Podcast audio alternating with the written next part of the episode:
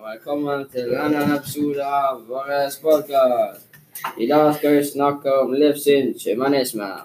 For dere som ikke helt vet hva livssynshumanisme er. Livssynshumanisme er ikke en religion. De tror ikke på at det finnes noe skapergud eller noe overnaturlige styrker.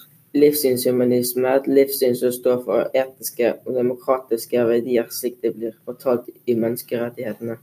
De gir grunnlag for et meningsfullt liv uten religion. Livssynshumanismen oppsto i Italia under renessansen mellom 1300- og 1500-tallet.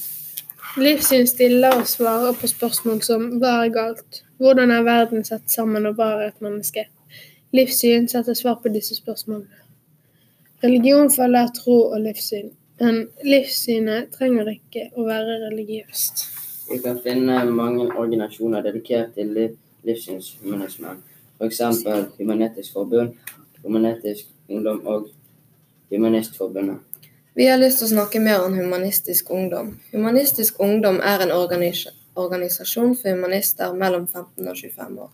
Her kan ungdommer være humanister på egne premisser i fellesskap med andre. Ha det!